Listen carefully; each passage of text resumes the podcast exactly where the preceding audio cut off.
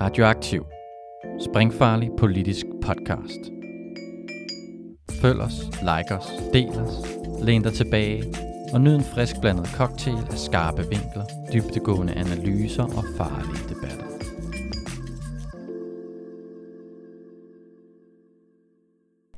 Velkommen til Institut for Vild Analyse. Dette er den anden ud af fem samtaler om kapitalismens økonomiske magt, en podcastrække, hvor vi taler med filosof og marxist Søren Mau om Sørens bog Stum Tvang, der udkom sidste år og har skabt en del debat om marxismens tilbagevenden i dansk politik. I Institut for Vild Analyse har marxismen været med helt fra starten, og vi synes Søren har skrevet en rigtig god og grundig bog, men ved læsningen er vi også stødt på en hel del spørgsmål. Dem vil vi altså diskutere med Søren i de næste fem afsnit af vores podcast. Samtalerne er blevet til i en weekend i Aarhus sammen med Søren Mau og fem medlemmer af instituttet. Rasmus Rask, Saman Adamotlak, Sten Tykær, Henrik Jøger Bjerre og mig selv, Ella Viberg. Hvis du ikke er så bekendt med Sørens bog Stum Tvang og hans tanker om kapitalens økonomiske magt, så kan jeg anbefale dig at starte med at høre de tre podcasts, som vi øh, udgav i november, hvor Søren og Rasmus gennemgår de grundlæggende idéer i bogen. Dem finder du samme sted, som du har fundet den her episode i vores podcast, som hedder Institut for Vild Analyse, eller hos Radioaktiv under navnet Den Variable Session. I dette afsnit snakker vi med Søren Mau om, hvorfor han mener, at kapitalens økonomiske magt også kan betegnes som en stum tvang. Din bog, den hedder Stum Tvang og handler om økonomisk magt. Og det er ligesom den, den økonomiske magt, som er en stum tvang. Øhm, og det er et, øh, et, et begreb, du har fra Marx, som ikke er sådan et begreb, han bruger vildt meget, men som, øh, som du ligesom tager op, fordi du synes, det som jeg forstår, det er et godt billede på, på den økonomiske magt, eller hvilken slags magt det er. Øhm, men når jeg har læst bogen, har jeg studset lidt over, hvorfor at øh, den økonomiske magt egentlig er en stum tvang. Jeg kan godt se, at jeg, kan man sige, er, også mange andre er tvunget til at gå på arbejde. Jeg er tvunget til at, at, at tjene penge og sælge min arbejdskraft, for at jeg kan få penge til at, at købe øh, de forskellige ting, som der er nødvendige for min overlevelse og for, kan man sige, for samfundets reproduktion. Øhm, men på den måde kan man sige, at jeg er tvunget til at gå på arbejde, men spørgsmålet er, hvorfor det er en, for mig i hvert fald, hvorfor det er en stum tvang, at, øh, som, som jeg ligesom er indlæret i. Ja, det er et, altså, det, det er et godt spørgsmål, og det er, det, for det første rigtigt det der med, at øh, altså, titlen stumtvang er taget fra et sted i kapitalen, men, øh, men det, er kun, det, er det, det er det eneste sted, så vidt jeg ved, at det er det eneste sted i Marx skrifter, hvor han bruger det udtryk. Øhm, og altså indholdsmæssigt, så kunne bogen lige så godt bare have heddet økonomisk magt. Og jeg bruger de to, øh, øh, øh altså jeg bruger stum tvang og økonomisk magt som synonymer. Så, så var, det var egentlig bare, fordi jeg synes, det lød lidt flottere på en eller anden måde, det der, det der, den der passage, at jeg tænkte, det var lidt federe som en titel med stum tvang. Men, øh, men altså, der er, der er den her passage i slutningen af Kapitalen, hvor Marx, altså det, det er et afsnit, hvor Marx undersøger kapitalismens historiske oprindelse, og han er først og fremmest optaget af at understrege, hvor meget vold, der har været involveret i den proces. Og så beskriver han ligesom, øh, så siger han ligesom noget i retning af, at øh, når først øh, øh, vold, den, den her, altså især sådan øh, statens vold har øh, fået etableret kapitalistiske produktionsforhold, så kan, øh, så kan arbejderen ligesom overlades til øh, både sådan, han beskriver også ideologi, sådan forestillinger om, om øh, markedsøkonomiens naturlighed, for eksempel, eller et eller andet. Og så, og så nævner han også de økonomiske forholds stumme tvang. Øh, som noget, der så ligesom kan erstatte øh, vold. Og, øh, og jeg har en lidt en idé om, jeg, jeg tror, jeg har, der er en passage, øh, i, en, i, en, i et værk fra en, en britisk økonom fra slutningen af 1700-tallet, som Marx var meget optaget af at kritisere. Der er en, øh, en, en passage i, i, i øh, han hedder Joseph Townsend, Townsend som øh, øh, skrev en øh, bog, der hedder Dissertation on the Poor Laws, som altså var sådan en kritik af, af øh, øh hvad hedder sådan nogle øh, prisreguleringer, øh, altså sådan en liberalistisk kritik af prisreguleringer. Og der, der, den, der, der er en passage der, som jeg tror muligvis har været øh, inspirationskilde for Marx til det her, den her, øh, det her sted i Kapitalen, hvor han skriver om stumtvang, som jeg lige tænkte, jeg, jeg vil lige læse den op, den passage fra Joseph Townsend, fordi den, den øh, meget godt øh, sætter det her tema op, synes jeg. Øh, Townsend skriver sådan her i 1786. Sult vil tæmme selv det vildeste dyr. Den vil afle anstændighed og høflighed, lydighed og underkastelse selv i de mest perverse. Det er generelt kun sult, der kan anspore og ikke de fattige til at arbejde. Og alligevel har vores love bestemt, at de aldrig skal sulte. Det må dog indrømmes, at lovene også har bestemt, at de skal tvinges til at arbejde. Men juridisk tvang er ledsaget af problemer, vold og larm, hvorimod sult ikke blot udøver et fredeligt, stille og ubønhørligt pres, men også fremkalder som det naturligste motiv til flid og arbejde, de mest kraftfulde anstrengelser. Og når den tilfredsstillelse af en andens frie gavmildhed ligger blivende og sikrer grundlag for velvilje og taknemmelighed. Altså så pointen her for Townsend er, at øh, i stedet for at lave en lov om, at de fattige skal tvinges til at arbejde, altså bruge politiet til at tvinge dem til at arbejde, så er det meget mere effektivt bare at lade markedet virke, og så, og så, og så lade sulten virke, og, og lade, lade, lade, lad den stille, det stille og ubundhørlige pres udfolde sig. Og, jeg, og, og det er ligesom, altså, så der er en modsætning her mellem den larmende juridiske tvang, ikke? og så, og så øh, markedets stille pres, eller sultens stille pres, øh, formidlet gennem markedet. Øh, og Marx beskriver så i den her passage fra Kapitalen, hvor jeg har taget titlen til bogen fra, der beskriver han det så som en stum tvang. Ikke? På tysk der står der stummer tvang, og det er nogle gange, det er mærkeligt nok i, på engelsk bliver det ofte oversat med silent compulsion eller dull compulsion, selvom at jeg vil egentlig sige, at det var ret oplagt, at det skulle hedde mute compulsion. Øh, men i hvert fald, øh, så øh, er det også værd at nævne, at Marx også nogle gange bruger sådan nogle synsmetaforer til at beskrive det her. Han taler også om, at, at øh, arbejderne er bundet til kapitalisterne gennem usyn, en usynlig tråd.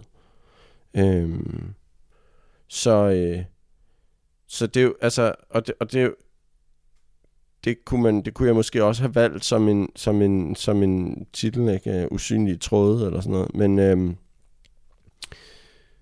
men det er værd, det, altså jeg synes, det er interessant at overveje, hvad, altså, hvad der ligger Jeg tror faktisk ikke, der ligger så meget i det der med det stumme over for det stille. Jeg tror ikke, det er så vigtigt, at kan man sige, at det er stumt og ikke er stille. Jeg tror, det er mere modsætning mellem det larmende og det stille eller stumme, ikke? Øhm, som, som, er, som er vigtigt. Øhm, altså, og man kan sige, ideologi er jo på en eller anden måde en form for magt, der, der, der fungerer ved at, at tale i den ene eller den anden forstand og udtrykke sig. Øh, og vold er bare som magtform ofte meget tydelig eller meget, meget, meget synlig og meget hørbar. Øh, og i den forstand er det måske meningsfuldt at beskrive de magtmekanismer, jeg beskriver i bogen som, som, som stumme. Altså, øh, når, når, når, øh, når konkurrence øh, mellem virksomheder, øh, når, der, altså når pris... Øh, svingninger på markedet tvinger, tvinger nogen til at gøre noget bestemt, så, så, så er det ikke så er det ikke sådan synligt eller hør, hør, hørbart som magt, så er det en form for stum tvang. Det var også netop det her, du snakker om, måske i forholdet mellem ligesom ideologi og den økonomiske magt, der fik mig til at stusse over det her med den stumme tvang, eller hvorfor at den økonomiske magt ligesom ikke øh, sagde noget på en eller anden måde. For jeg, jeg tænkte på, at hvis, øh, jeg tror, mange, der måske går på arbejde og ikke, øh, som vi også snakkede om tidligere, ikke tænker over, eller lige, at, at det måske, at de er tvunget til at gøre det en bestemt årsag, men har alle mulige andre idéer omkring, hvorfor de går på arbejde, så kan man i den relation måske sige, at det er på en måde af ideologien, som, øh, som får den øh, økonomiske magt til ikke at, at sige noget, eller ligesom for, for tvangen til at, at fremstå som noget, der ikke er tvang på forskellige måder.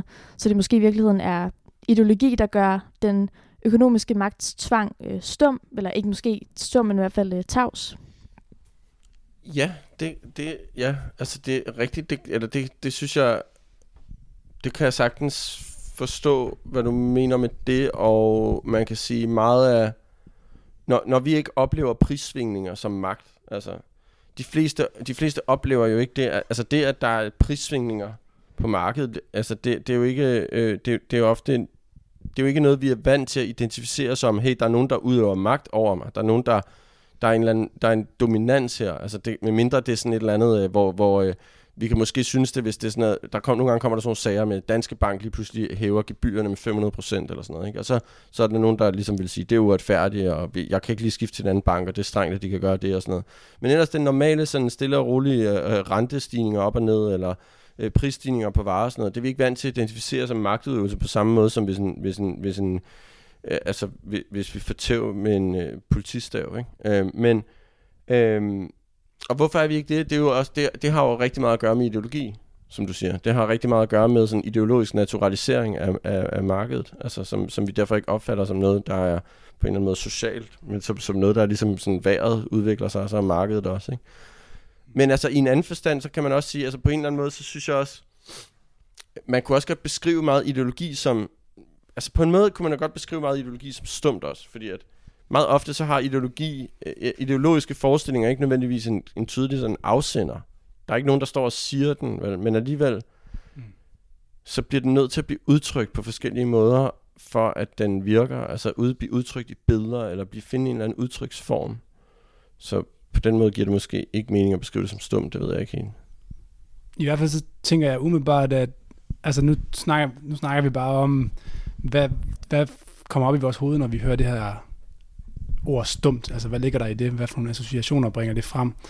Og, og jeg tænker sådan lige umiddelbart, altså når det handler om, og når det handler om, om magt, så, så ser jeg for mig, hvis du før havde den der, øh, hvad kan man sige, modstilling mellem larmende magt og så stille magt. Øh, så den larme, larme magt, så ser jeg næsten for mig sådan en, der står og svinger en pisk, og så kommer der sådan en svirpende lyd, i det den rammer en på ryggen, eller sådan noget. Ikke? Så det vil være den voldelige magt, som ligesom har en lyd.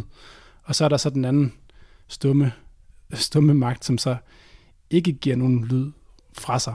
Men spørgsmålet er, ja, så det som du siger nu, det er, at måske i virkeligheden også den ideologiske magt også er stum, eller i hvert fald tavs. Ja, jamen, måske, men jeg, nu, jeg fik lige en, nu sad jeg faktisk lige og fik en idé til, hvorfor der måske ligger noget væsentligt i det der med at skille mellem, at noget er stille og stumt. Mm. Altså stumt er jo ligesom, hvis man er stum, så har man, så har man ikke evnen til at tale. Og hvis man er stille, så har man evnen til at tale, ikke? eller udtrykke lyd. Ikke? Og jeg tænkte på, altså, en, en, øh, øh, hvis, hvis øh, folk gør oprør, og, og militæret bliver sendt ind for at nedkæmpe et oprør, det er en meget tydelig form for larmende magt. Ikke? Altså statens vold er i aktion en meget tydelig form for larm, larmende magt. Ikke? Meget tydelig, øh, den, den, den, det, det klassiske på en eller anden måde, aller tydeligste eksempel på en magtudøvelse. Ikke? Det, er, det er staten, der udøver vold, ikke? der beskytter, øh, altså politiet, der beskytter den private ejendomsret, eller noget i den stil. Og, øh, altså, og der kunne man sige, det, det vil være den larmende magt. Ikke? Og den stille magt, det er så alle de tidspunkter, hvor det ikke er nødvendigt for, øh, for staten at bruge det her, øh, den her øh, øh, øh, bruge den her vold, fordi man godt ved, at den kan blive brugt. Ikke? Alle de tidspunkter, hvor der ikke er nogen, der truer den private ejendomsret, fordi de godt ved, at så får de tæv af politiet, det, det er en stille magt, kunne man sige, fordi at den kan udtrykke sig. Ikke? Altså, der, der er, den har mulighed for at slå over i det larmende, hvis, hvis man rent faktisk, øh, Øhm, hvad skal man sige, hvis man, hvis man så øh, overskrider den grænse og tvinger, øh, eller og får, og får politiet øh, på nakken. Ikke? Hvorimod øh, den, de, de økonomiske mekanismer, som jeg beskriver i virkeligheden, så i virkeligheden kan man jo beskrive, altså det, det jeg i virkeligheden prøver på i min bog, altså en måde at beskrive, hvad, hvad, hvad jeg prøver på i den bog, er at sige, at beskrive hele den kapitalistiske økonomi, altså økonomien, det vi er vant til at snakke om som økonomien, som en stor herredømmeapparat eller magtmekanisme, der sikrer ligesom, at samfundet bliver ved med at være underordnet en bestemt logik, nemlig profit, øh, som sådan det styrende princip for, hvordan øh, størstedelen af samfundets økonomiske aktiviteter er indrettet. Og man, man kan sige, at det, det som, det, alle de mekanismer, som jeg beskriver som økonomisk magt, de, de, de, de er ligesom...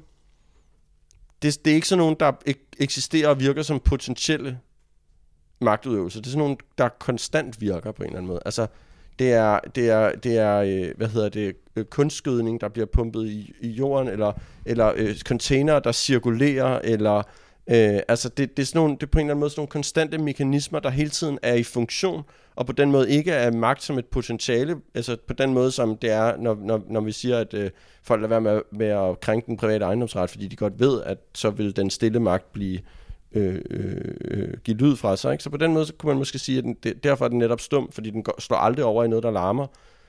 Hvis den stumme tvang bliver truet, altså hvis de magtmekanismer bliver bliver øh, truet, så, øh, så er det i stedet for nogle, altså så er der nogle andre magtmekanismer, der træder i kraft, ikke? Som, er, som, som for eksempel vil være statens, øh, øh, hvad skal man sige, voldelige institutioner, som vil sætte ind. Ja, nu har du næsten svaret på det, jeg gerne vil spørge om, men jeg tænker også lidt, lidt at, at, at kapitalen, som det, du, du fortalte det rigtig fint, altså ligger som en under, undergår, øh, underliggende figur, som egentlig sagtens skal have haft en masse forskellige øh, ideologier ovenpå sig, eller, eller kontinuerligt, altså hvor de er blevet væltet. Ikke? Altså, så det eneste, der består, det er den, den, altså den, den finansielle eller kapitale magt. Og der, der tænker jeg også, altså et vigtigt begreb, i, altså, som, som alle fortaler og alle, alle dens øh, præster, var lige at sige, at tale om, det er jo det frie valg. Altså ideologi behøves ikke at love et frit valg, fordi de taler sandhed. Det er sandhedsbegreber. Hvorimod det, det som de sælger i, i kapitalen, det er, det, er, det er jo det frie valg, altså markedspladsen som det sted, du kan, du kan træde ind på, og, og, og, og komme med, med din vare, eller have et behov for at købe en vare, og så indgå en aftale på, på nogle, øh, øh, helt lige og færre øh, vilkår, øh, og ligesom the deal, som, som Trump vil sige, ikke? honor the deal, og, og så kan man så gå ud fra markedet igen, og, og, det, skjul, og det skjulte, og, og for at det skal virke, og for at vi hele tiden øh, skal, have, skal, skal tro på den, så skal vi ikke kunne se, at vi faktisk ikke kan træde ud af markedet igen. At vi er altid på markedet. Det er ikke sådan, at markedspladsen er, er, er, er, er et sted, der, der, der, der ligger et, et, hen i hjørnet af byen, og så går vi hjem igen. Vi er altid på markedspladsen. Og det er ligesom den skjulte præmis, og hvis det bliver... Ja. Altså, det, det vil blive mere... Altså, hvis, hvis man fik at vide, altså okay, du har faktisk ikke noget valg, du kan ikke forlade markedspladsen, men det er jo det, der er, der, der, der, er, der er så på en eller anden måde velintegreret ved, ved, ved kapitalismen, det er jo, at vi tror rent faktisk, at vi træder ud en gang imellem. Altså, for vi, vi, vi, vi, vi forholder os jo til varer, vi køber, men der er også alt det andet, vi køber og producerer, som vi ikke forholder os til. Hmm. Øh, og, og jeg, ydermere kan man sige, at at kapitalen har også, altså de, de sociale processer, der kører omkring det, har også haft et større behov for en eller anden naturalisering. Altså både kapitalen og økonomien selv bliver omtalt af økonomer med næsten levende øh, levende begreber, altså om det er nervøst ja. marked, ikke? Det, det, det, er, det er sådan nogle hysterikere, der spiller på børsen, eller et eller andet. Ikke? Altså der er sådan helt, det er næsten en levende organisme på en eller anden måde, som vi ikke, altså som vi ikke på en eller anden måde selv skaber, men er ved at opleve, eller opdage som biolog, der er ved at dissekere et eller andet, om vi okay, det kan den også holde fast i et spændende fænomen. Altså, vi, vi, er, vi er på en eller anden måde blinde for, at det er noget, vi skaber i vores egen praksis.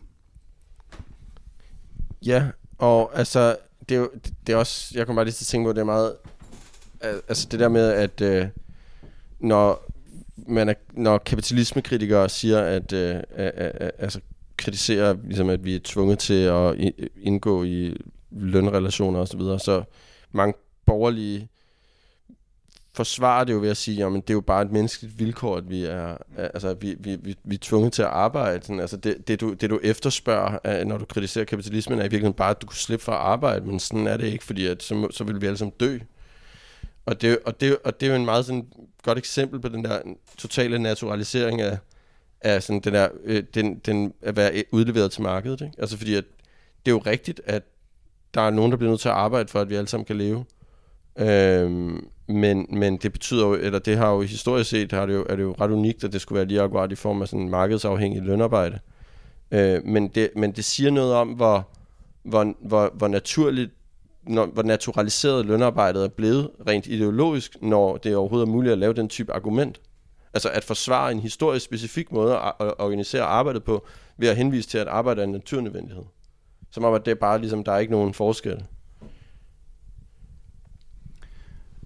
Jeg, øh, hvis jeg går tilbage igen til mit billede endnu en gang af en, en mand slår en anden mand med en pisk, så, øh, så er det jo klart, at der er en afsender og en, og en modtager i forhold til den, den tvang eller den magt, der ligesom udføres der. Og en, en del af din bog går ud på ligesom at sige, at jamen, kritiserer den der øh, klassiske, eller i hvert fald kendte øh, magtforståelse af, at Øh, Øh, jeg tror, det er det ikke Robert A. Dahl, der, der siger det første gang, altså at aktør A får aktør B til at gøre noget, som aktør B ellers ikke ville have gjort. Det er sådan, man kunne definere magt. Men så, øh, den kritiserer du jo øh, for ligesom, altså, altså for at sige, kan man sige, at magten behøver ikke at have en, en afsender nødvendigvis. Den kan godt bare være en effekt. Øhm, og jeg, jeg tænker på, hvad det gør for vores billede af, af, den, af den stumme tvang. Altså, hvem er det, der er stum her? Er det modtageren? Er det effekten? Eller er det, er det den der afsender, som der, som der så ikke er der? Altså du skriver også mange steder, tror jeg, eller, øh, eller så siger du det, at, at den økonomiske magt er, er upersonlig netop, fordi den, den er uden, uden afsender. Øhm. Det kan være, i forlængelse af det, så øhm, synes jeg også, at begreb, som tit bliver brugt til måske at forklare det, som her bliver, bliver nævnt med stum, er ligesom også fremmedgørelse. Eller sådan netop det der med, at man ikke ved, hvem afsenderen er, men man er, man er ligesom fremmedgjort over for hele den verden, man er i, så, øh, hvad hedder det, så udformning grundlæggende. Øhm, ja, så det kan måske også være, jeg ved ikke, den, den fremmedgørende magt, eller sådan et eller andet. Eller tvang. Ja, og det er jo, altså, faktisk så, kan man sige, ideologi har jo ofte også den øh, altså karakter af at være uden en afsender, uden en tydelig afsender. Ikke?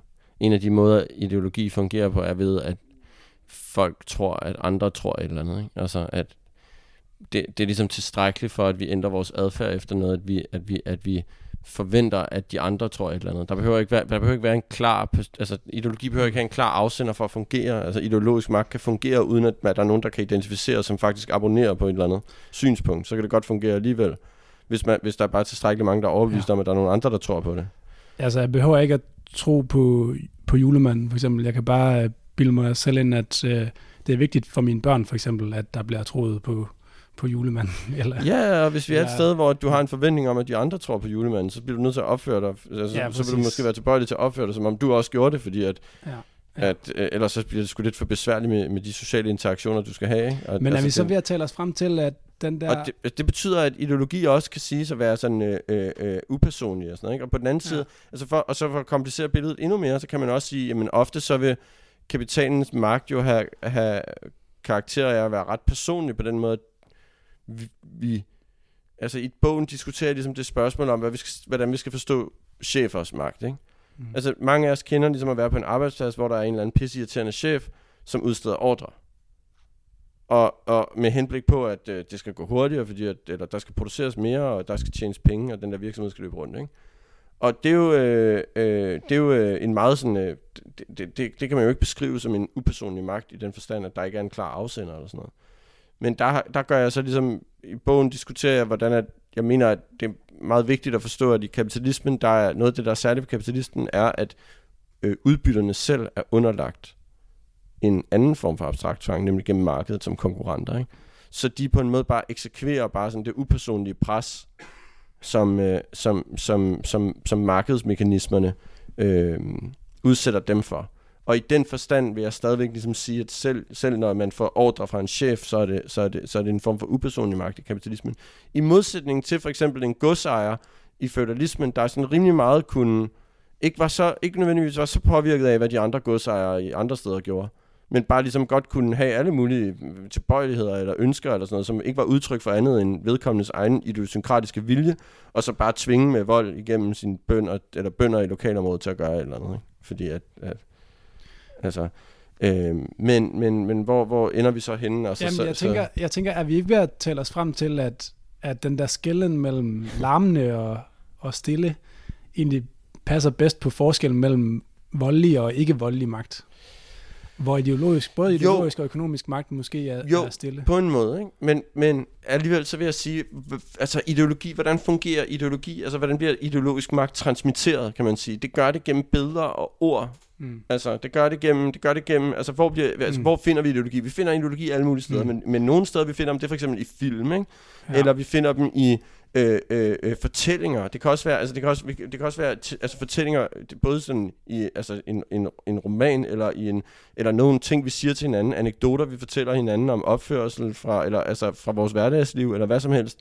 Men altså ting vi fortæller hinanden eller i, i film eller i reklamer eller i billeder, ikke? Vi ser øh, altså Øh, øh, ideologi har at gøre med forestillinger, begreber og fantasier og mytologier osv. Det er på en eller anden måde noget, der har et, indhold, der skal fortælles eller formidles, noget, der, der, der igennem ord eller billeder skal viderebringes og optages og fortolkes og indoptages. Mm. Og i den forstand er det noget, der ligesom er udtryksbordet, ikke? Øh, og i den forstand er det, er det ikke stille, altså i den forstand udtrykker det sig jo, ikke? Ja. Hvor, men, men, men altså, så kunne du samtidig også sige, jamen, når, du, når, du, når, når prissvingninger på markedet, så er det, det er jo også et slags sprog, der udtrykker, altså som, så ja, Hmm. jeg ved det sgu ikke helt, altså. Altså man kan måske sige, at den ideologiske magt, altså den er ikke, den, den er ikke tavs, den, den siger noget, men før den fungerer, handler det også netop, at den ligesom, den skjuler sin udsigelsesposition, eller sådan. Altså den, øh, det handler om, at øh, du ikke ved, at det er ideologi på en måde, før det rigtig virker, ikke også? Øhm, så, så der er måske også noget der Ja. ja. i forhold til forholdet mellem, altså jeg tænker også, måske kan, øhm, eller du snakker om, ved, at, at den her økonomiske magt, den her tredje magtform, som, som ligesom på en måde kan eksistere i sidste ende, uden øh, vold og ideologi på en eller, anden, en eller anden forstand. Eller ligesom, det er i hvert fald nok til, at vi kan adskille det. Men, men man kan så sige, øh, man er også man er selvfølgelig øh, mødt med den brutaliteten af den tvang, som er økonomisk magt. Og man kan sige, for at det ligesom måske rigtig kan fungere, så har man brug for ideologi til at ikke at kunne se den, den brutalitet. Ja, Så det, de- det, de- ja, De fungerer Ja. ja. enormt. Altså, ja, de, det tror de har brug for på- hinanden. Ja, de har brug for hinanden på den måde. Eller de, det, det tror jeg helt sikkert. Og jeg tror også, altså, jeg har tænkt meget over spørgsmålet om, hvorvidt at man kunne sige, at der var en af de her tre former for magt, der var mere sådan øh, primær eller grundlæggende end de andre eller sådan noget. Og jeg er egentlig kommet frem til, at det, det kan jeg ikke, og jeg synes, der er mange historiske eksempler på, at, at hvad skal man sige, at, at den ene bygger oven på den anden, men på forskellige måder, ikke? eller i forskellige relationer. Så jeg, så, jeg, så jeg er egentlig nået frem til sådan en idé om, at det, jeg tror egentlig, det er sådan at tre ret, hvad skal man sige, øh, øh, med et rigtig grimt udtryk, lige oprindelige øh, altså, øh, former for magt, eller øh, altså, lige primære, eller der er ikke nogen af dem, der er sådan mere grundlæggende end de andre, men det, det, det du lige sagde, kom, fik mig til at tænke på, at, at altså historisk set sådan i, i, i marxismens historie, eller sådan analy, marxistiske magtanalyser og teorier, der kan man sige, der har man først i første omgang været, været øh, meget optaget sådan fra slut 1800-tallet og et godt stykke ind i 1900-tallet af, af statsmagtens vold som den primære øh, øh, øh, hvad skal man sige, den, den, den, det, det primære øh, øh, forklaring på, hvorfor kapitalismen bliver ved med at opretholde sig selv. Altså det er, at vi har, der er lige så sidder, sidder en elite i, og kontrollerer staten og militæret og politiet. Og så kommer der jo senere ligesom sådan, som en slags refleksion over det, sådan, hey, der er alt muligt andet også. Ikke? Så kommer der i 20'erne og 30'erne især sådan efter fascismen og store dele af arbejderklassen, der lige pludselig støttede op om noget, som var imod deres objektive interesser, og hvordan, hvordan forklarer man, at proletarer lige pludselig blev fascister, og sådan noget. Den, den, er, den er lidt tricky. Og så, og så opstod jo det sådan behov for at sige sådan, hey, faktisk er, altså hos nogen som Gramsci for eksempel, eller Wilhelm Reich, ikke? altså apropos psykoanalyse, altså så opstod der et behov for at sige ligesom, det er ikke kun statsmagtens vold, der er vigtig her. Der er også en anden en. Og, og, og hvorfor var det, der var det behov? Det var jo fordi, det var sådan lidt skjult. Ikke? Altså, det var en form for magt, der var lidt, lidt mindre synlig som sådan. Den var lidt mindre sådan... Den gemte sig lidt mere. Den krævede mere sådan analyse, og, og, og, og den krævede mere sådan raffinerede begreber at, at støve af og finde frem. Mm. Øh, og, og, og, og det tror jeg, altså... Jeg tror helt klart, der er et slægtskab mellem sådan ideologi, eller et marker, det er et markerpar, ikke? Ideologi og, og, og økonomisk magt, og i virkeligheden så vold er ligesom statsmagtens vold er så tydelig og er så det er altid det, det er sådan øh, det, det, det er det sidste træk ikke? Altså det er, i virkeligheden er det, er det det som sådan for kapitalismens reproduktion er det er den mest risikable vej altså magt at bero på. Og, og, og jeg tror også på den måde man kan sige ofte så er øh, brugen af vold et tegn på ligesom at de to andre typer af magt øh, øh, på en eller anden måde er brudt lidt sammen ikke? altså at man er i en truet position fordi at, at, at hver gang altså politiet og militæret bliver sendt ud for at slå, slå oprør ned, og der står folk ned, så er det altid, altså det er meget tydeligt, sådan, okay, her har vi en meget voldsom magtudøvelse, og det er ofte noget, der sker i krisesituationer, og er ofte, leder ofte til sådan øh, legitimitetskriser for, for, for, for stater, vil jeg, vil jeg tro, ikke? Så nu siger du det her også med, at den økonomiske magt er skjult, og man kan ikke få øje på den, og den er usynlig. Og nu så taler vi jo faktisk med en anden metafor. Altså det, der har at gøre med, med hvad hedder det, evnen til at se, ikke? Øh, snarere end, end øh, det lydlige, og evnen til at høre. Øh, Så det stiller jo også ligesom på en eller anden, spørgsmål, på en eller anden måde spørgsmålet. Er, er, er der noget, er det vigtigt, at den her metafor har med lyd at gøre, snarere end med, med billeder, eller med, med evnen til at, til at se? Hvad, og hvad, altså, hvad, hvad, gør det, hvad gør det af forskel? Fordi jeg tror ofte, hvis vi sådan, i hverdagssnak, så tror jeg ofte, at vi bruger synsmetaforen øh, end, øh, end at vi, altså vi siger ikke, øh, vi, vi, kunne- man siger for eksempel, jeg tror det ikke, før jeg ser det, eller det kan jeg slet ikke se, at det skulle være tilfældet. Hvor man, jeg ved ikke, om der findes noget tilsvarende for, for at høre. Øh, Også hele, hele den der, altså sådan, den der idé om, at altså at der er noget, der er- altså at de, de rigtige magthavere er skjult eller sådan hemmelige. Der, der, altså, jeg kommer også til at tænke på sådan en konspirationsteori-agtig idé om, at den, den, den hemmelige skjulte elite, ikke, som noget, man, altså man skal se, altså man skal have, der er mange, mange sådan, øh, øh metaforer forbundet med det der med at, at, at, ligesom at, at vågne og øh, få øjne, eller lære at se, hvordan tingene virkelig forholder sig og sådan noget. Øhm, som jo ofte er i parentes bemærket, så sådan nogle konspirationsteorier er jo ofte sådan et, en, en altså tager udgangspunkt i sådan en eller anden øh, rigtig øh, fornemmelse af, at sådan, tingene er ikke sådan, som vi, altså de, den officielle forklaring holder ikke helt.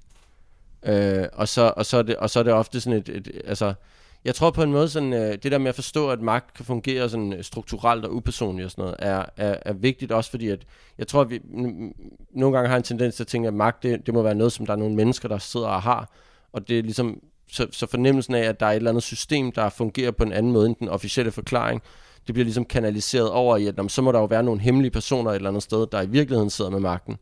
Mm. Øh, altså som er en form for, øh, hvad skal man sige, sådan forskudt øh, kritik, der så ender i, i konspirationsteori. Men hvad har det så at gøre med forskellen på at, at se noget og, og høre noget? Altså er der forskel på så om de hemmelige personer, som så ikke Ja. ja. findes, der har magten, altså om vi ikke kan se dem, eller om vi ikke kan høre dem? Ja, for der, altså, der er jo mange af de mekanismer, som jeg beskriver som økonomisk magt, som er meget, altså, kan man sige, de, er jo ikke, de foregår jo ikke, øh, de foregår ikke i det skjulte. Altså, de, de, er ikke, de er synlige for alle, eller altså, de, øh, alle kan se priserne, øh, prisudsvingerne på markedet, eller alle kan se øh, infrastrukturen og containerne, eller, øh, altså, og de, Så men, det, så det er fordi, der er ikke nogen, der råber op, eller hvad? ja, nej, jeg ved det ikke, altså. Jeg ved det ikke. Måske er det... Men, hvad hvis det bare... Måske spiller det ikke så stor en rolle. Måske er det bare... Altså, er det er det, er det, det ene eller det andet? Men kunne man også beskrive, hvad for nogle sanser kunne man ellers hive frem? Man kan ikke... Umærkelige... Ja, ja lugtesansen.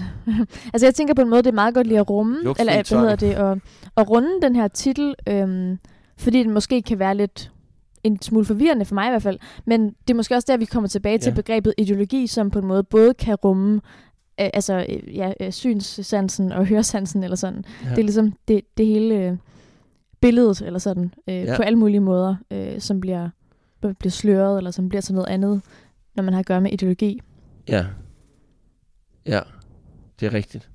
Om det så er nogen, der råber op, eller nogen, der ikke øh, vil ses, eller bliver set, eller noget, der ikke bliver set. Og så er der også en, altså en anden ting omkring det der med, øh, som du sagde lige før, Søren, så er det en vigtig pointe, at, at, magt, at den økonomiske magt er upersonlig. Øh, den er uden afsender. Men det at være stum er jo faktisk lige præcis den slags metafor, som man kunne kalde en personificering. Altså at man tildeler det noget som noget en menneskelig egenskab, som ikke i første omgang tilhører et menneske.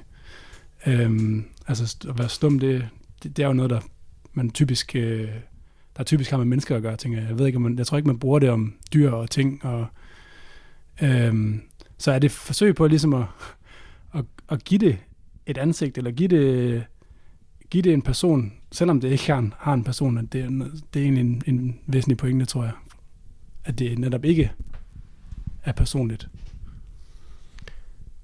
Ja, ja. Jo, måske. Jeg kommer, men jeg kommer lige til at tænke på, at jeg tror også, jeg synes også, den der metafor med det, det stumme er også på en eller anden måde, i hvert fald når man læser det i konteksten, så har det en forbindelse til en idé om, at de her, de her magtmekanismer, som, som jeg beskriver, eller som Marx beskriver som stumtvang, øhm, eller det, det skal lige siges, det er ikke sådan helt tydeligt, hvad hvad Marx refererer til i det der tekstafsnit, når han siger, at de, der, de økonomiske forhold står med tvang. Det er bare sådan lidt generelt de økonomiske forhold. Han nævner noget med sådan noget prissvingninger på arbejdskraft, ikke? altså lønnen, der stiger og falder. Men ellers så nævner han ikke sådan konkret, hvad han lige tænker på. Men, men det, som jeg mener, Marx tænker på, eller, eller i hvert fald det, som jeg mener, det giver mening at beskrive som stum tvang, det er sådan nogle mekanismer, der på en eller anden måde fungerer konstant. Mm. Det vil sige, det er ikke nogen, der udtrykker sig sådan punktuelt på den måde, som, som, mm. som når, når, når politiet slår en demonstration ned. Så, så er det en form for magtudøvelse, der, sådan, der kan afgrænses meget tydeligt i tid og sted på en eller anden måde. Hvorimod det her, det her, det, det har at gøre med nogle, stum tvang øh, omfatter nogle magtmekanismer, som på en eller anden måde er konstante, som hele tiden som et maskineri, der konstant kører på en eller anden måde. En, en maskine, der hele tiden er tændt. Og som på den måde også ligesom bliver en slags, altså hvis man tænker sådan over det lydmæssigt, ikke? Altså det, det, det bliver mere sådan en slags baggrundsstøj, ikke? som så derfor nærmest man vender sig til, ikke? eller den bliver, den, den, den er der bare som en konstant summe, eller måske ikke engang noget. Altså i modsætning til, når der er altså en eksplosion, eller noget, der ligesom sker som et som, sådan punktuelt afgrænset. Hvis vi sidder og gætter metaforer, eller sådan giver forslag, så hvad med sådan noget som strukturel tvang, eller jeg ved ikke, øh, ja. strukturaliseret tvang, det eller sådan noget? Helt sikkert, det kunne man også... Øh, Altså, der er også nogen, der... Det, strukturel magt er også et, et, øh, et, altså et begreb, som jeg, så vidt jeg ved, man bruger særligt i sådan noget internationale relationer, øh, øh, øh, politisk forskning, og hvor, hvor det faktisk ofte bliver defineret som noget i retning af, at den magt, en aktør har over en anden, ved at kontrollere en væsentlig ressource øh, i det anden aktørs netværk eller et eller andet, eller omgivelser. Og det er på en måde ret tæt på øh, den definition, jeg selv ja. forsøger at give af økonomisk magt. Så, så den der idé, altså begrebet om strukturel magt er, er helt klart ofte meget, altså det bliver brugt på lidt forskellige måder, men meget sådan beslægtet med, øh, altså det, hele ideen om det der med, at altså en, noget strukturelt, ikke? At, at noget er bestemt af en plads i en struktur, er jo, handler om det der med, at noget er, hvad det er i kraft af sine omgivelser, og økonomisk magt er lige akkurat en form for magt, der fungerer ved at organisere omgivelserne på en eller anden måde. Så det. En sidste ting måske, øh, altså du startede jo med, med Townsends øh, citat der, hvor det, der var ligesom, han, han beskrev det som et stille og ubenhørligt pres. Ja, jeg tror, ja, det engelske var silent i den oprindelige, ja. Det, og det, det forekommer mig næsten at være en bedre metafor, måske. Altså det, i hvert fald, der ligger i det der med det stille og ubenhørlige, og det er, at det er et pres. Øh, der ligger vel i det, altså et pres, det er ikke noget, som, som bare sådan kommer ind, bang, og så ud igen. Altså et pres er noget, ja. man ligesom sådan over tid ligger på noget. Ja. Øhm, ja, det er jo sult, han beskriver der, ikke? Altså jo, den der jo. måde, hvordan er sådan sultne mennesker er nemme at disciplinere, ikke? Mm. Og sulten er der bare hele tiden. Altså, så kan det godt være, du spiser, men den kommer bare tilbage som et pres. Du skal have, du skal have noget mere igen og igen. Altså det, det, ja, det er nemlig sådan en ting, der et, et, det er ikke en gang for alle, så er det fikset, og så, så er problemet løst. Eller måske bare en tvang. Ja. Det tror jeg vil være mit bud. Altså, så, så, så du tænker, at, at ordet tvang ligesom involverer sådan en, en form for øh, konstant? Ja, altså man er jo, det er jo netop, kan man sige, det der, jeg tænker, at den økonomiske magt ligesom kan, det der, det der gør, at den er en magt, er, at den kan sætte sig på noget, som er virkelig vigtigt, som er den, den sociale reproduktionsmaterielle vilkår, øh, som du skriver. Altså man kan sige, jeg bliver nødt til at, at få noget mad, og man kan sige, det faktum, at jeg kun kan få mad ved at sælge min arbejdskraft og øh, tjene en løn, så jeg kan gå ned i supermarkedet og købe det, fordi det er eneste muligheder, jeg sådan set rigtigt har. Øhm, det er jo, kan man sige, en, en tvang, for jeg bliver nødt til at få det der med. Så derfor tænker jeg ligesom, at øh, jeg, jeg kommer frem til, at jeg tror, at tvang er ligesom, så kan vi kalde det økonomisk tvang, eller strukturel tvang, eller sådan, men, men at mm. tvang ligesom er det centrale begreb på en eller anden måde. Jeg tænker også, når, altså når vi snakker om den stumme tvang, der virker øh, over arbejderen, altså jeg, jeg er også tvunget til at gå på arbejde i morgen, fordi jeg skal nogle gange øh, tjene penge øh, til at købe noget og spise, og jeg skal også betale for min bolig og så videre. Der synes jeg, at tvang umiddelbart virker ret intuitivt, men måske hvis man taler om den økonomiske magt, der virker på øh, kapitalistklassen, altså arbejdsgiverne, så, så ved jeg ikke om, altså hvad, hvis man spurgte dem, hvorfor, øh, hvorfor sætter du alle de her effektiviseringskrav til dine arbejdere, og øh, øh, hvorfor øh, går, du, går du ikke mere op i øh, miljøet, og hvor meget CO2 du udleder øh, i klimaet osv. osv., så vil jeg nok svare noget i stil af, at jeg er presset øh, til det, fordi jeg er i en konkurrence med, med andre. Ja, det er måske et spørgsmål om, er man, er man tvunget til at skulle overleve i konkurrencen, mm. sådan som en, man kan kalde en kapitalist? Vi taler jo ofte om altså, konkurrencepres. Ikke? Altså, det er, sådan, er det ikke et almindeligt udtryk, sådan det der med konkurrencepres, ikke? konkurrencens pres? Og så vil de fleste øh, øh, kapitalister vil jo sikkert sige sådan, jamen jeg kunne godt bare kaste håndklædet i ringen og sådan noget, ikke? men så, så, så I, bliver I jo arbejdsløse, og så er der ikke nogen til at betale for alle sygehusene og sådan noget. Ikke?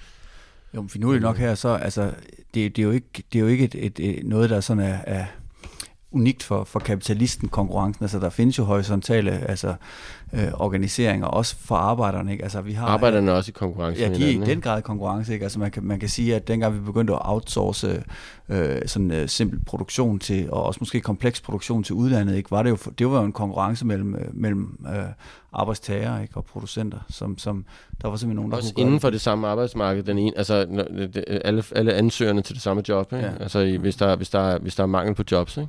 Ja. Øh, men jeg, jeg, jeg tænker, øh, at, at igen, nu har jeg snakket meget, eller det vil jeg i hvert fald gerne snakke om, det ydre og indre organisering. Ikke? Øh, altså den der ydre organisering, ikke? det er jo den, der ligesom gør, at der er en plads, der hedder kapitalist, og en plads, der hedder producent eller arbejdstager.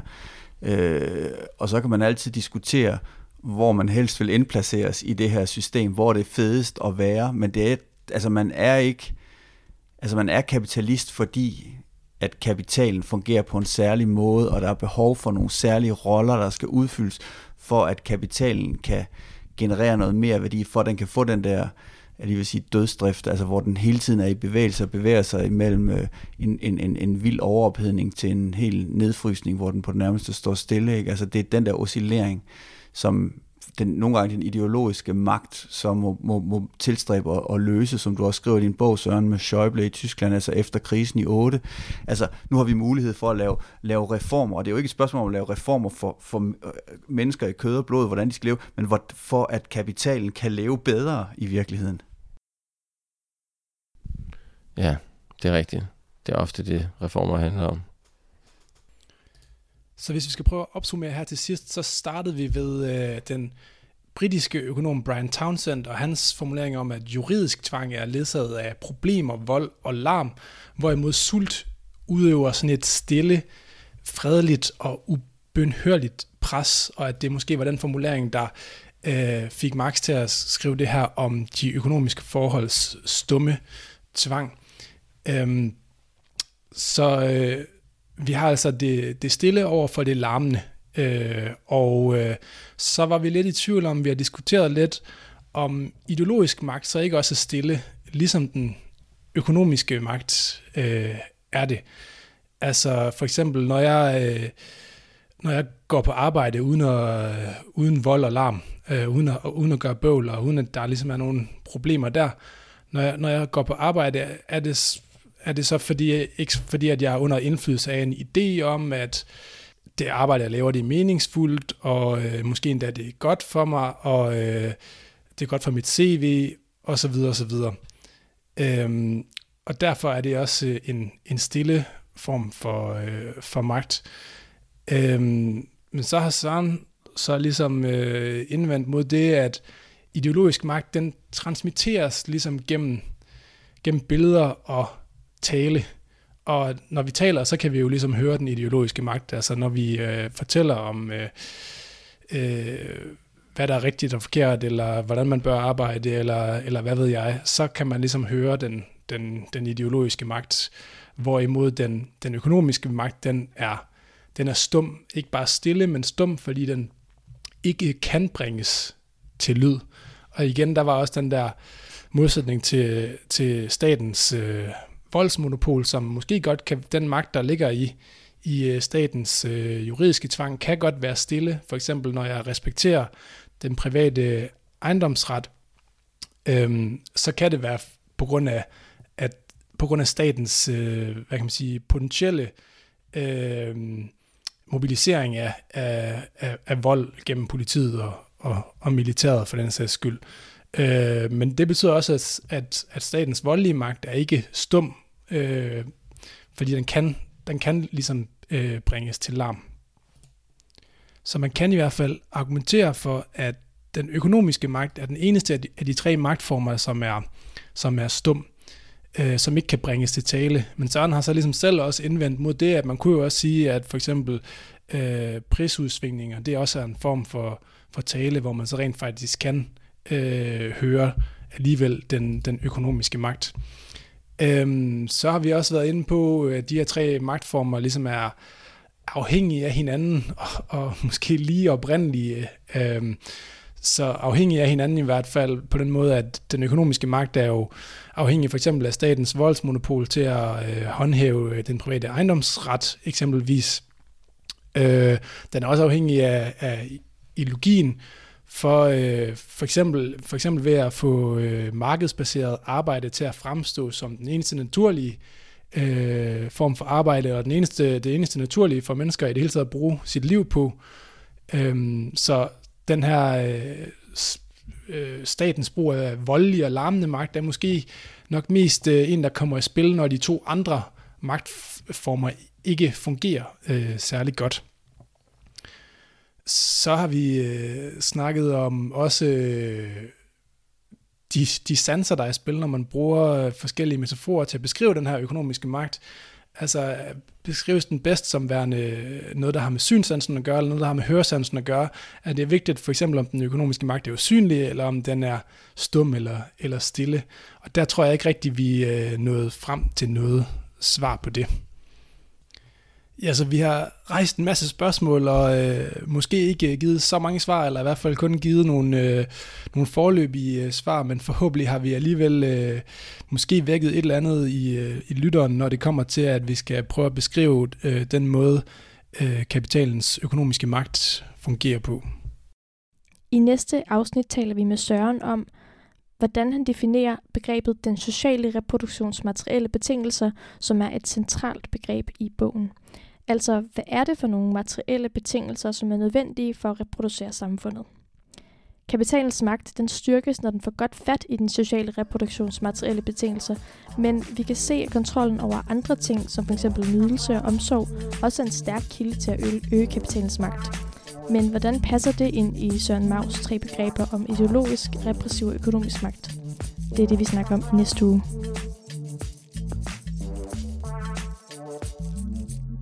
Oh ja.